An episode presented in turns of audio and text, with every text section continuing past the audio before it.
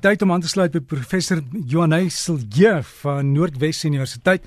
En professor baie dankie vir die video. Ek het dit geplaas ook op die Breakfast Facebook bladsy van 'n skilpad wat operasie moes ondergaan want ons praat vandag oor strooitjies. Hierdie is die die waarmee ons koeldrank drink. Ja, môre Derek, môre omgewingsvriende. Derek, nou ek het gedink dit is 'n goeie ding om bietjie te gesels oor omgewingsimpak van strooitjies. Sien dit dat dit nou in die week strooitjievrye dag was. En ek dink min mense besef hoe skadelik strooitjies vir ons omgewing is. Dis nou van die die vervaardigingsproses en al die besoedeling wat daarmee saamgaan tot die eindproduk, so die strooitjie self wat 'n baie negatiewe impak op ons omgewing het. En soos jy nou sê, sosiale media het 'n um, klomp bewusmakingsveldtogte oor hoekom sosiale media so vreeslik sleg vir ons omgewing is. En ek glo of ek hoop die meeste van ons omgewingsvriende het toe nou al die video op YouTube en op Facebook gesien van die strooitjie wat in hierdie seeskilpad se neusgat vassit. Nou dit was vir my nogal 'n uh, ontstellende video om te kyk en te sien hoe die mense met groot moeite hierdie strooitjie uit die seeskilpad se neus verwyder ten einde die seeskilpad help om weer vrylik te kan asemhaal.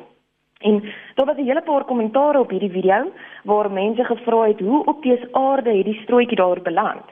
En dis die hartseer deel, want dis basies deur die mense toe doen.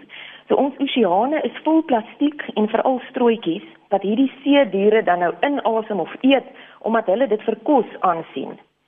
In hierdie video van die seeskilpad is nie maar net 'n enkele geval nie, maar volgens die studies van Chris Wilcox wat 'n senior wetenskaplike is by die Marine en Atmosferiese Navorsingsentrum in Tasmanië, Australië, word 71% van seevoëls en 30% van skilpaaie gevind met plastiek in hulle maag. Nou Derek, ek het nogal toe ek nou nou na 'n gawie se hengelpraatjie geluister het, gedink jy moet hom tog in die week vra of hy dalk so iets gesien of beleef het. So, ek dink dit sal sommer net interessant wees om te hoor. Maar dit is skrikwekkende data. 71% van seevoëls en 30% van skilpaaie word gevind met plastiek in hulle maag. En dit het natuurlik 'n groot impak op die totaliteit van marine lewe. En dit deels hoekom hierdie hele anti-strooitjie beweging weer opnuut kom versterk is. Nou, die eerste strooitjies was natuurlik nie van plastiek gemaak nie, maar van natuurlike materiale soos stingels, gras en riet wat 7000 jaar terug dateer tot in die tyd van die antieke Mesopotamië. Die geskiedenis van die moderne drinkstrooitjie het egter eers hier in die 1880s begin, toe Marvin Stone die eerste keer reepies papier aan mekaar vasgeplak het en toe nou daardeur begin drink het. In die vroeë 1900s het polio en tuberkulose veroorsaak dat daar weer 'n groot hupstoot was in die aanvraag na strooitjies. Mense was bang om glase en bekers te deel wat dan moontlik sou lei tot aansteking van hierdie siektes en het daarom verkies om nie direk kontak met die glase of bekers te hê nie, maar dis eerder uit strooitjies te drink. En in die 1950s was daar toe weer 'n verdere toename in die aanvraag na strooitjies, die keer as gevolg van restaurante wat die glasware begin vervang het met weggooibare bekers wat meer geskik was vir die kitskosbedryf. En so het papierstrooitjies toe nou die nuwe mode geword tot die om en by die 1960s toe plastiekstrooitjies hulle opwagting gemaak het. En vandag is 99% van die wêreld se strooitjies van plastiek gemaak en het strooitjies byna 'n sosiale gewoonte geword. Nou ek lees op die webwerf Earth 911 dat die meeste mense vandag strooitjies gebruik as 'n manier om tandpyn tandpyn te beperk as ons koue vloeistowwe drink of om snorvlekke te voorkom of om seker te maak dat ons drankies behoorlik geroer is. Daar is natuurlik gevalle waar strooitjies onmisbaar is, veral um, vir persone wat 'n beroerte gehad het of outisme het of met ander lewensveranderende fisiese kwessies moet saamleef. Maar oor die algemeen word strooitjies meer gebruik uit gewoonte as enigiets anders. Nou die probleem lê by die hoeveelheid strooitjies wat tans vervaardig word en dat dit meestal ontwerp word vir 'n enkel gebruik. Ons dink dalk dat die een of die twee strooitjies wat ek en jy gebruik nie regtig 'n verskil sal maak nie. Maar elkeen van hierdie strooitjies dra by tot die groter plastiese besoedelingsprobleem. So is dit beraam dat daar meer as 500 miljoen plastiese strooitjies elke dag in die VSA gebruik word. Nou dis genoeg om 127 skoolbusse daagliks te vul. Nou om 127 skoolbusse daagliks met strooitjies te vul, beteken natuurlik intensiewe vervaardigingsprosesse. Plastiese strooitjies word onder andere gemaak van 'n byproduk van petroleum wat 'n fossiel brandstof is en wat 'n ongelooflike hoeveelheid energie en natuurlike hulpbronne benodig om onttrek en verfyn te word. So, dit beteken basies baie koolstofvrystellings en besoedeling as gevolg van hierdie industriële prosesse. En behalwe dat die vervaardigingsproses dan nou nie omgewingsvriendelik is nie, is die eindproduk ook nie omgewingsvriendelik nie, aangesien die plastiekstrooitjie nie herwinbaar is nie. So die grootte en die gewig van die strooitjie is dikwels die probleem ten opsigte van herwinning. Soos die plastiek dan nou op die vervoerbande beweeg terwyl dit gesorteer word, val klein items, dis nou soos botteldoppies en strooitjies deur die bande en dit word dan nou uiteindelik na stortingsterreine gestuur. Daar is tans geen spesiale strooitjie herwinningsfasiliteite nie.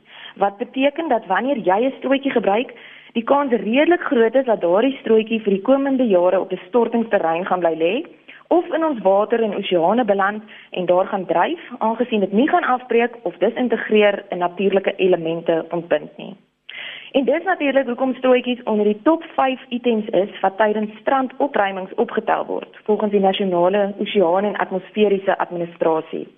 So julle kan nou net dink as al so baie strooitjies uitspoel op die strand, hoeveel strooitjies daar in totaliteit in die oseaan moet ronddryf wat dan nou 'n gevaar vir alle seelewe inhou. So die hele bewusmaking oor die omgewingsimpak van strooitjies gaan daaroor dat strooitjies 'n eenmalige gebruiksitem is.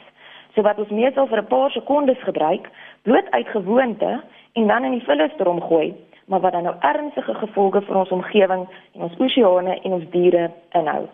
Nou ons as omgewingsvriende kan natuurlik 'n groot bydrae lewer met hierdie bewusmakingsproses van die omgewingsimpak van strooitjies. So eerstens, ons kan 'n persoonlike keuse maak om te sê nee vir plastiekstrootjies. Ons kan dit duidelik kommunikeer aan die kelner volgende keer by die restaurant dat ons verkies om geen strootjie te gebruik nie en sodoende 'n goeie voorbeeld stel. Maar verder kan ons ook uitreik na 'n paar plaaslike eetplekke in die buurt of in die dorp en hulle aanmoedig om hulle protokol te verander en om slegs op aanvraag strootjies of dan nou liefs ander forme van strootjies te bedien, soos glasstrootjies, bamboestrootjies of ander ekovriendelike strootjies wat al hoe meer beskikbaar is. Ek sien die restaurantgroep Ocean Basket het in begin van die jaar aangekondig dat hulle voortaan nie meer strootjies sal voorsien nie. So hopelik steek dit so 'n paar ander restaurantgroepe aan om aan dieselfde te gaan doen. Maar ter afsluiting is my groen gedagte dat strootjies 'n relatief maklike item is om op te gee in vergelyking met 'n lang lys van items wat besoedeling veroorsaak en elkeen van ons kan werklik op hierdie wyse 'n verskil maak om ons omgewing te help. Of hoe sê jy Derek? Ja, ons moet almal ons deel bydra en uh Johanna, ek sien Elsa Kondari van Struisbaai sê sy woon al so 11 maande daar en loop elke dag en tel goed op die strand op. Sy sê die probleem is regtig baie groot. Dit is goed om te weet, Derek, dit is eintlik nie goed om te weet nie, maar dit bevestig ons data en bevestig dat ons regtig gaan iets moet doen om 'n verskil te maak. Ja, ek, Derek, ek sien ons het vanoggend of ons het ek het laat gisteraand 'n uh, 'n vraag op ons hmm. Facebook bladsy gesit wat sê sal jy drinkstrootjies kan opgee om ten voordeel van die omgewing en ek sien ons staan op die oomblik al oor die 300 stemme en 98% van ons omgewingsvriende sê ja, hulle sal kan. So dit is goeie nuus. Goeie nuus. Baie dankie daarvoor. En so gesels ons dan met Johan Huiselje, professor by Noordwes Universiteit. En onthou die e-posadres is omgewingspraatjies@gmail.com omgewingspraatjies@gmail.com ook op Facebook is daar die groep omgewingspraatjies en ek het ook op die breakfast bladsy daai video geplaas van die seeskilpad wat die operasie kry. Gaan loer gerus daar